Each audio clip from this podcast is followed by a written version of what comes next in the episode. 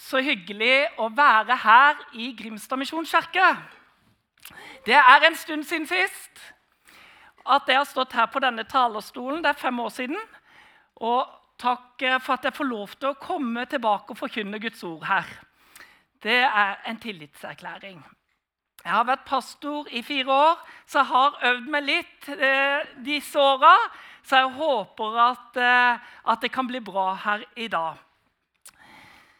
Eh, jeg takker deg, Herre Jesus Kristus, for at vi kan samles her i dag om ditt ord, Herre, og som ditt folk, Herre.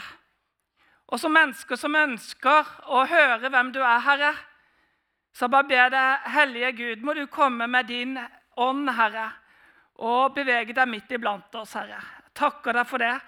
Og så må du bruke meg til å dele ditt ord, Herre takker deg for det, Gud, at du bruker oss, Herre, og at vi kan få lov til å være redskaper i din hånd. I Jesu navn. Amen. Ta et lite, um, en liten slurk her først. Å, det var deilig. Er det noen av dere som har fasta denne helga? Ja, jeg har òg fasta. Og jeg kjente litt i det måret, så Jeg vet ikke om dere hadde det litt sånn. da. Um, men jeg så de her liksom bananene som lå i kurva der. og å, Det hadde vært fristende altså, å bare tatt én banan. Um, men hva hvis man hadde tatt den oppi blenderen? da? Hadde det funka? Liksom? Da hadde jo drukket den. Så det er jo litt sånn, En kan prøve å være litt oppfinnsom, men jeg greide å stå imot den fristelsen. da. Så, men jeg tenker det at OK, vi er innenfor Gud å, denne helga for å være innvia i bønn og faste. Eh, både som menighet her og som kirkesamfunn. Og da er det fantastisk å kunne hive seg litt på det. For i 1. Timotesen 2,1 så står det om dette med bønn. Og, og, la oss bare slå opp der så fort leser igjennom hva Paulus sier om dette med bønn.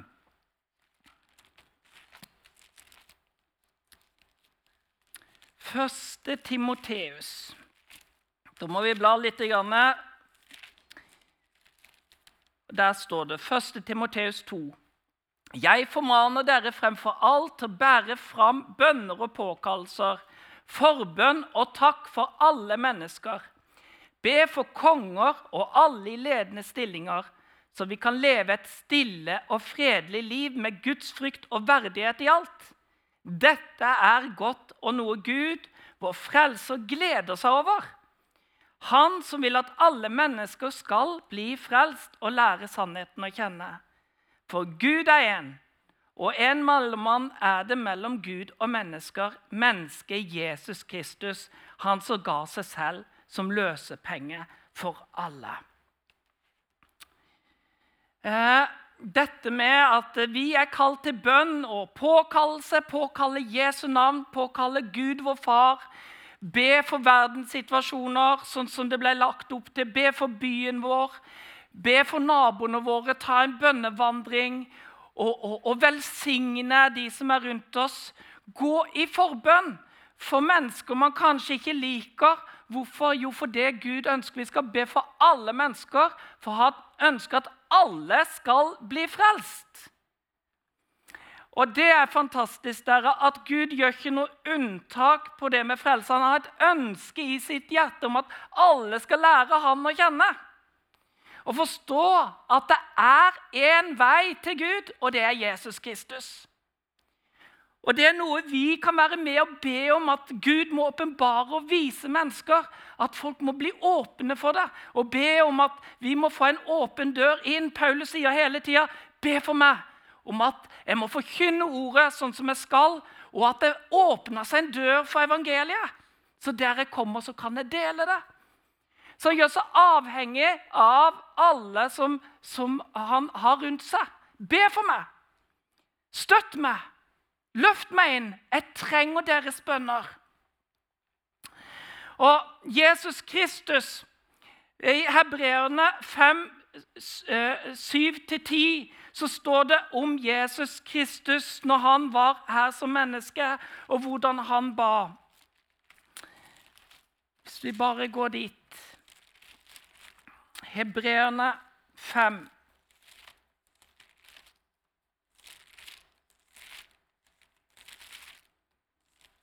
Der står det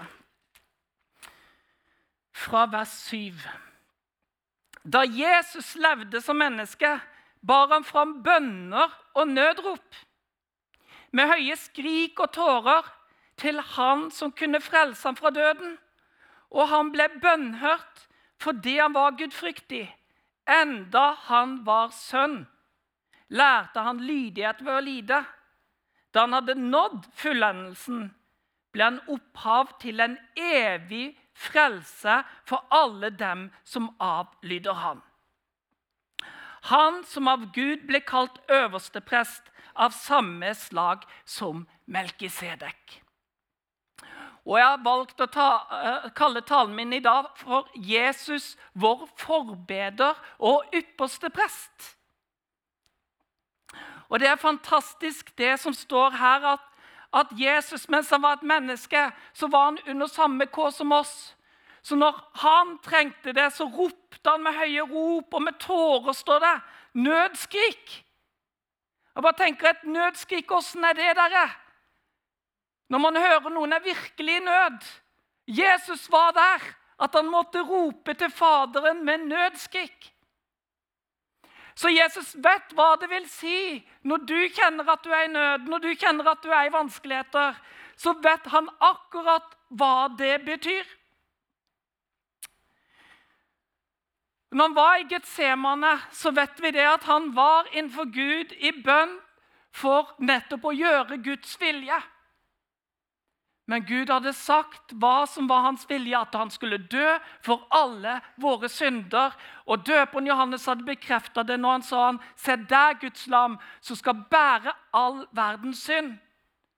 Han skulle ta på seg alt. Han skulle dø for vår skyld. Og der var han dagen før det skulle skje, i Getsemane, i bønn til Gud. Og da står det det at han, han ba på en måte sånn at til og med hans svette svette ble til blod.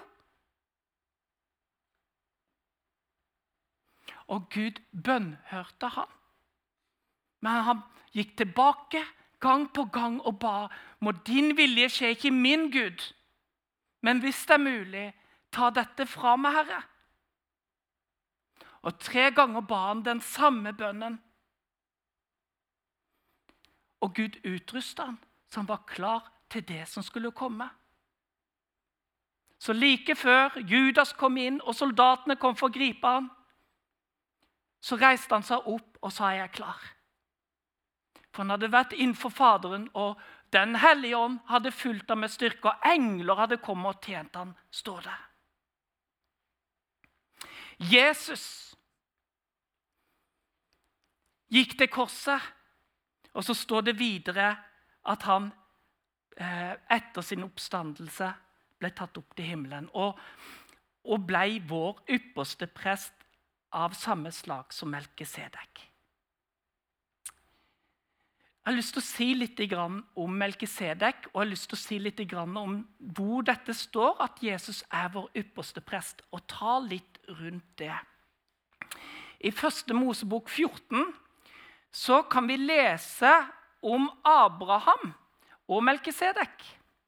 Det står fra vers 18 til 20. Det møtet Abraham får med Melkisedek.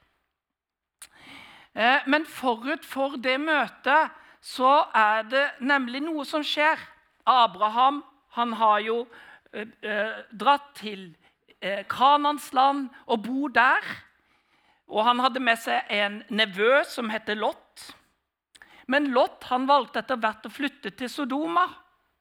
Og så er det sånn at Sodoma og Gomorra, de kongene der, kommer i krig mot noen andre som vinner over disse, eh, disse byene hvor Lot holder til.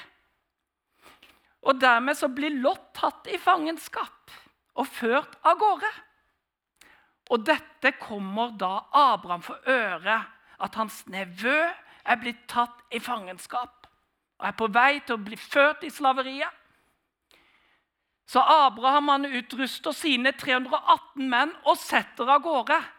Og han satt av gårde og så langt som opp til Damaskus, og der overvant han denne veldige hæren med sine 318 mann og setter fri Lot og òg de andre som var blitt tatt i fangenskap. Og det er der, da, når, eh, når Abraham er på vei tilbake, at han møter Melkisedek. Og der står det La oss eh, ta og se hva som står der i første Mosebok 14.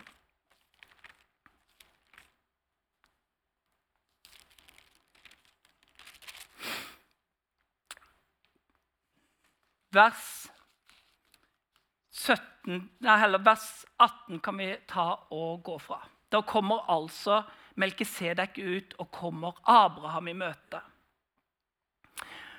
Og Melkisedek kongen i Salem kom ut med brød og vin, og han var prest for Gud den høyeste. Og han velsignet ham og sa, Velsignet er Abraham av Gud den høyeste, han som brakte fram himmel og jord. Velsignet er Gud den høyeste, som har gitt dine motstandere i din hånd. Så ga Abraham han tiende av alt. Det er spennende, denne Melkisedek. Og vi hører ikke om uh, denne presten uh, før i, i Bibelen.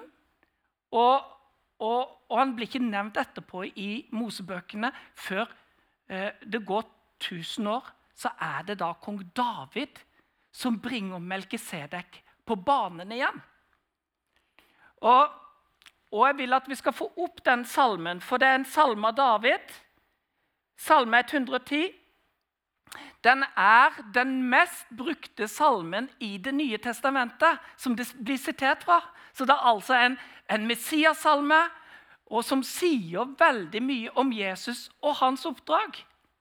Og Jeg har lyst til at vi skal bruke litt tid i den, og lese den gjennom den her. Der står det Herren sier til min herre, sett deg ved min høyre hånd, til jeg får lagt dine fiender som skammel for dine føtter. Fra Sion rekker Herren ut ditt mektige septer. Du skal herske blant dine fiender. Folket ditt møter villig fram den dagen du viser din kraft. Din ungdoms dugg kommer til deg i hellig prakt, fra morgenrødens fang. Herren har sverget og angrer det ikke.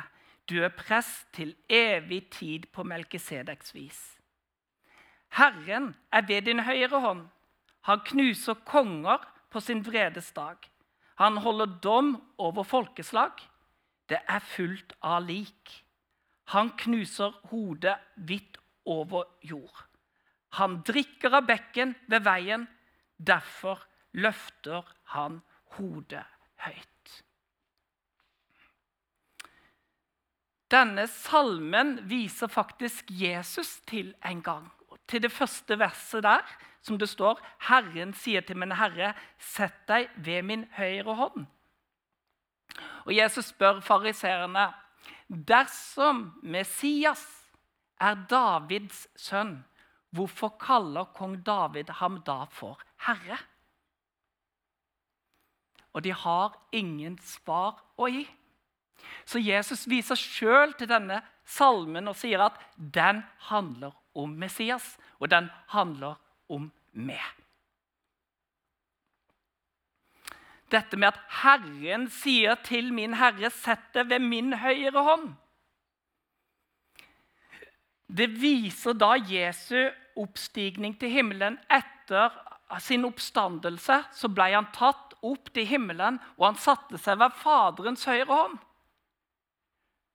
Så det her beskriver hva som skjedde med Jesus etter hans død, hans oppstandelse, hans himmelfart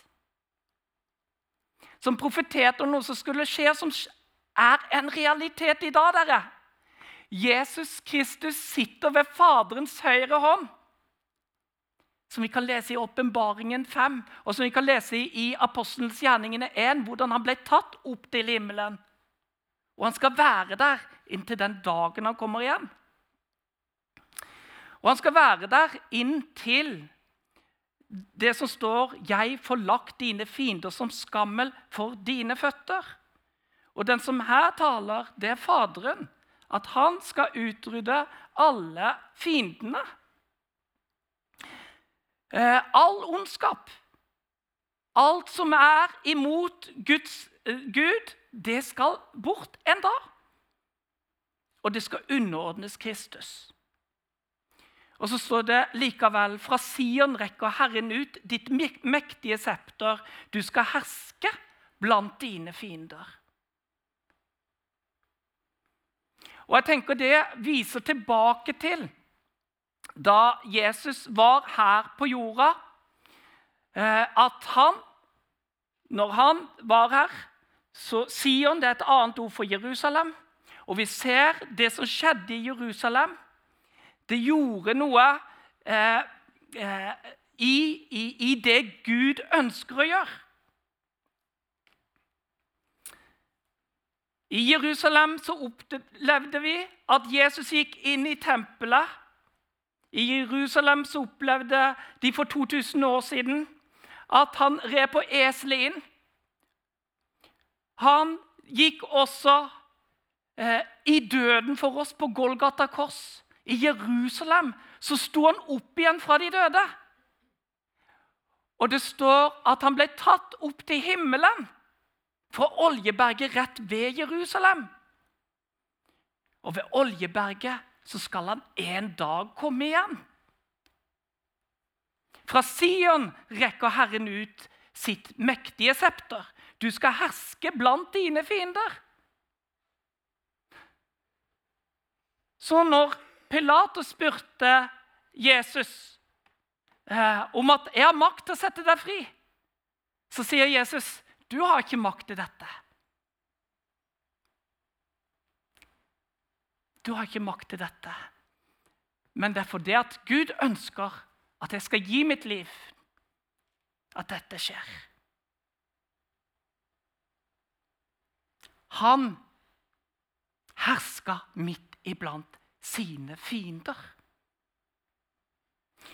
Og Så står det at det vil komme en dommens dag der Jesus kommer igjen, der Guds vredesdag vil være. og vi leste det litt her i salmen, fra vers 5 og 6. Hvordan Herren er ved din høyre hånd, og han knuser konger på sin vredes dag. Han holder dom over folkeslag. Det er fullt av lik, og han knuser hoder vidt omkring. Og jeg tenker Det ordet er jo ganske Oi! Det var et brutalt ord. Men det er snakk om her at alt som har stått Gud imot, alle de konger og herskere som har latt ondskapen få regjere på vår jord. De vil, Deres makt vil en dag bli knust. Og ikke være lenger. Liksom Hitler er borte, liksom Mao er vekk. Liksom disse despotene nå er borte, så vil det være en dag der alle disse vil være knust. Og hvert hode som da reiser seg mot kunnskapen om Kristus, være autoritet, skal òg forsvinne. De som står Guds rike imot, vil ikke få del i den kommende verden. Og så står det her at de som har tatt imot han, i vers 3 Folket ditt møter villig frem den dagen du viser din kraft. Din ungdomsstugg kommer til deg i hellig prakt fra morgenrødens fang. Og jeg tenker Dette er et bilde og, og, og, en tale om det som skjer når menigheten skal møte Jesus. Når vi som tror på han skal møte han igjen. Og Da er det ikke sånn at vi er uvillige for å møte vår Herre og Mester. Nei, det er noe vi lengter etter, å få møte han og være hos han. Og så står det folket ditt møter villig fram den dagen du viser din kraft. Et annet sted så er det oversatt med 'på din veldes dag'. Og, og så er det jo som billedtale her Din ungdomsdugg kommer til deg i hellig prakt fra morgenrødens fang. Og det var En som sa det at han trodde kanskje dette handla litt om at det skulle komme en ungdomsvekkelse i den siste tid. Og jeg syns det var en god ting, da. Ja, At ungdommene skal med. At det skal være eh, barn og unge som kommer til troa på Jesus, og som skal være blant de som da får møte ham når han kommer igjen. Og vi skal møte ham i skyen den dagen vi blir forvandla og blir han lik. Amen. Og det er en fantastisk ting, dere. Så I denne salmen så bringer det opp så mange aspekter med Jesu oppdrag. Men så kommer vi til det neste, som jeg skal gå litt inn på nå. Herren har sverget og angrer det ikke. Du er prest til evig tid på Melkisedeks vis.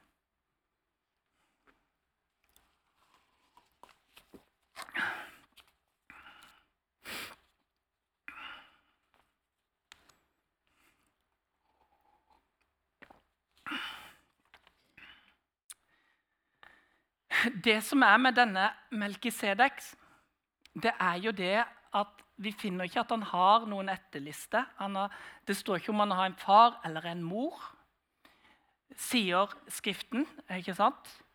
Og Derfor sier også forfatterne her i brevbrevet derfor er han også lik Guds sønn.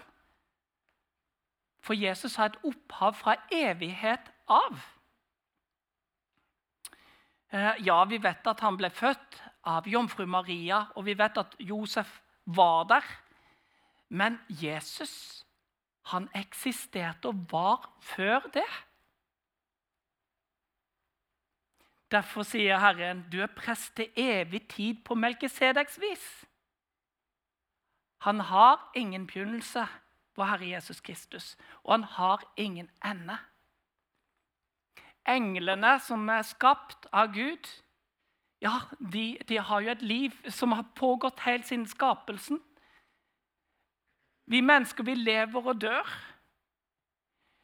Men Sønnen, han har vært fra evighet av og blir til evig tid. Du er prest til evig tid på Melkisedeks vis. Vi leste jo om han Melkisedeks. Det sto at han var konge i Salem. Og Melkisedeks, det navnet, det betyr faktisk eh, rettferdighetens konge. Og I tillegg så var han også konge i Salem, som betyr fred. Så han er også fredens konge. Så Melkisedek sier jo mye om hvem Jesus er. At han både er rettferdighetens konge, og han er fredens konge. Og så tar vi og, og, og, og leser videre dette at han er også prest for den høyeste Gud. Og Jesus han er både Messias, han er konge, han er Kristus, men han er òg vår ypperste prest. Og når man ser liksom hvordan eh, Med Jesus så var jo han av Judas stamme, mens alle ypperste prestene i Israel de kom av Levis stamme. Og så var det jo sånn at Alle kongene når det ble valgt konger i Israel, de skulle komme av Judas stamme. Så for at Jesus skulle være vår ypperste prest, så måtte det opprettes et nytt prestedømme. Og det var det som skjedde når han døde for våre synder på korset. Da oppretta han en ny prestedømme. Og vi skal se litt på det nå.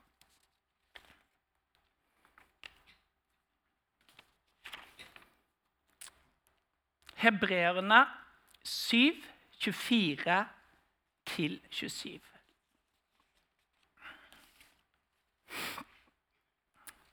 Der står det Men Jesus, har et prestedømme som ikke tar slutt, fordi han er og blir til evig tid.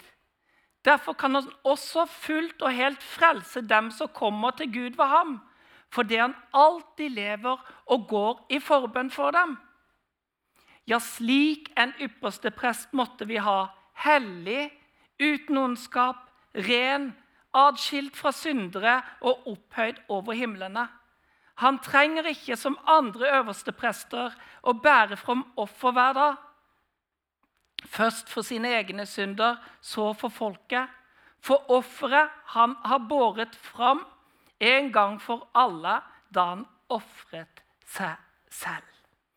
Så når Jesus tok og døde på korset for vår skyld, så brakte han fram et fullkomment offer, dere. Og Derfor står det òg her at han er eh, også mektig til å frelse alle de som kommer til ham. Fordi han alltid lever og går i forbønn for dem.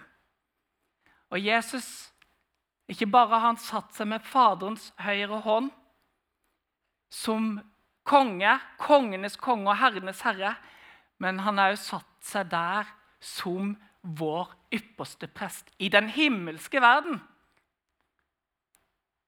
Der sitter han, og så står det det at han alltid lever og går i forbønn for oss. Tenk det, dere! Jesus Kristus som kom uten feil og uten synd. Og så ble han et syndoffer for oss. Sånn at vi ikke trenger lenger å bære fram offer for synd. Fordi han gjorde det én gang for alle på Golgata kors. For all verdens synd.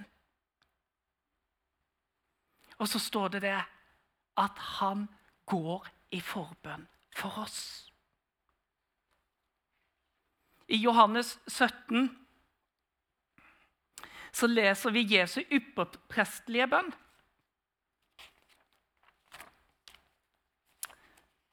Og Det var den bønnen Jesus ba før sin korsfestelse. Skal vi se her Der har vi det, ja. Og Da står det noen punkter jeg bare vil fremme hva Jesus ba for oss. For det første I vers 9 så står det at Jesus ber for oss, ikke for verden. Som vi leste tidligere, så sier Paulus at vi skal be for verden. Vi skal be for alle mennesker eh, som vi måtte kjenne eller tenke på. Men Jesus sier det at 'jeg ber for dere, ikke for verden'. Og så ber han òg om at vi som tror på ham, at vi må bli bevart, sånn at vi òg kan være ett. Og han ber om at vi må I vers 15 så sier han det at han ber Gud om at vi må bli bevart fra det onde. Sånn at ikke den onde skal snatche oss ut av hans flokk. Og så ber han for oss om at vi skal helliges i sannheten. Og så sier han òg at Guds ord er sannhet. Så at vi gjennom dette som vi har fått, denne åpenbaringen av hvem Gud er, og hva han gjør, og hva han vil. At vi skal gjennom det bli helliget i sannheten, altså bli mer lik Herren Jesus Kristus. Ha mer tillit, ha mer tro til Han, stole på Han fremfor oss sjøl. Det er å bli hellig. Stole på Gud. Vers 20 så sier han at han ber for de som kommer til tro gjennom de han bar for den gangen. Det var jo apostlene og, og sånn. Og så sier han nå ber jeg for de som kommer til tro på grunn av dere. Og her er du i dag. Og her er jeg i dag. Pga. Jesus Kristus sendte ut sine tolv apostler da, og, og, andre som forkynte ordet om Jesus Kristus, om livet med ham, om frelsen, det at man kan bli født på ny. Så tenk det, før Jesus gikk til korset, så ba han for deg.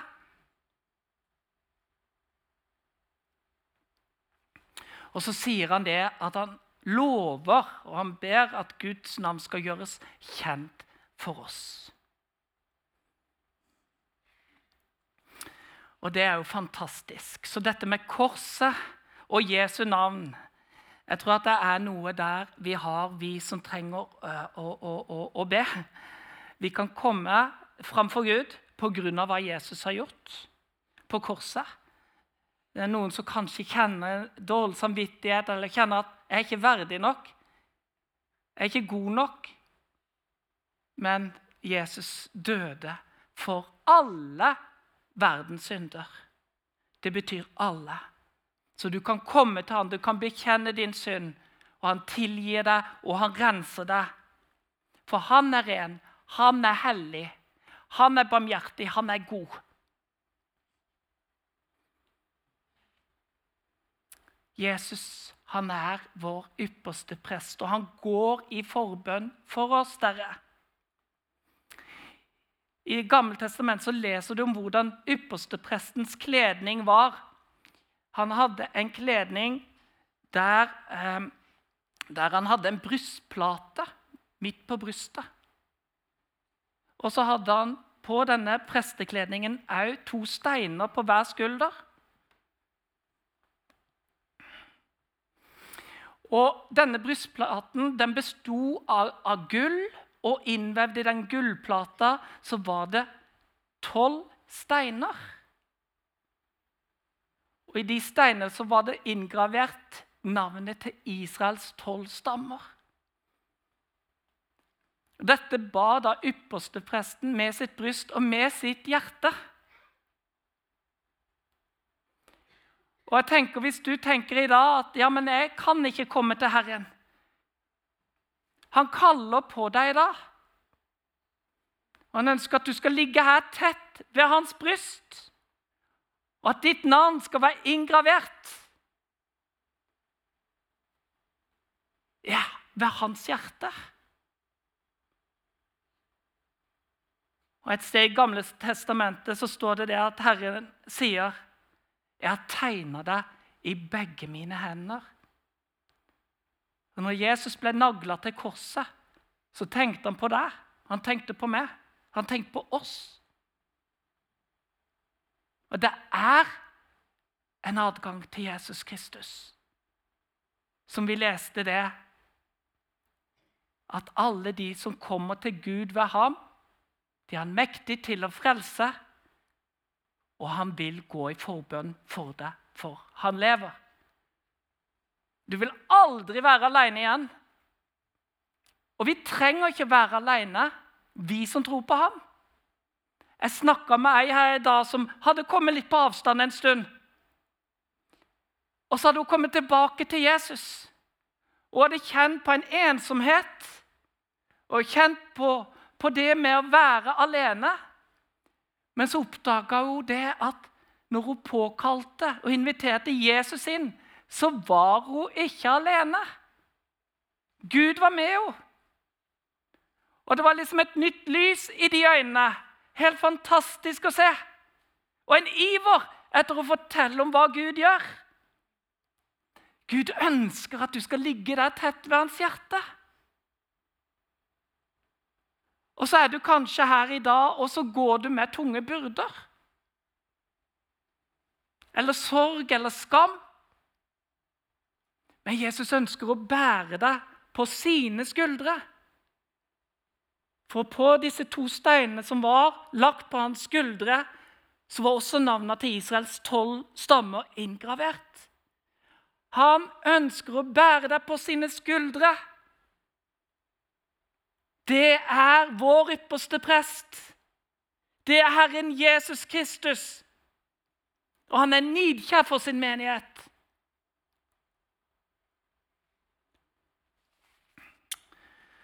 Halleluja. Takk, Jesus. I vers 7 i Salme 110 så står det Han drikker av bekken ved veien. Derfor løfter han hodet høyt. Og Jeg har tenkt mye på det verset. Det er et spesielt vers. Og så er det mange tanker rundt dette. Jeg leste litt hva, hva har folk tenkt gjennom kirkehistorien på dette. Ja, Noen sier at denne Jesus ble døpt, og ånden kom over ham. Eller ved hans himmelfart. Eh, det er mange ting. Men så var det én ting som slo meg litt, og det var to ord Jesus sier. Han sier et sted 'Jeg er veien, sannheten og livet'. Jeg er veien. Og han har kommet for å, og har rydda en vei for oss inn til himmelen. Jeg er veien til Faderen. Det er ingen annen adgang til Faderen gjennom meg. Og så står det her han drikker av bekken ved veien. Og Jesus sa det òg. At 'kom til meg, dere som tøster, og jeg vil gi dere drikke'. Og da skal det fra deres indre velle fram levende vann. Og det står et sted som bekker skal det renne fram. Og jeg tror noe med det her at Jesus han levde ett med sin andre kompanjong gjennom evigheten, Den hellige ånd.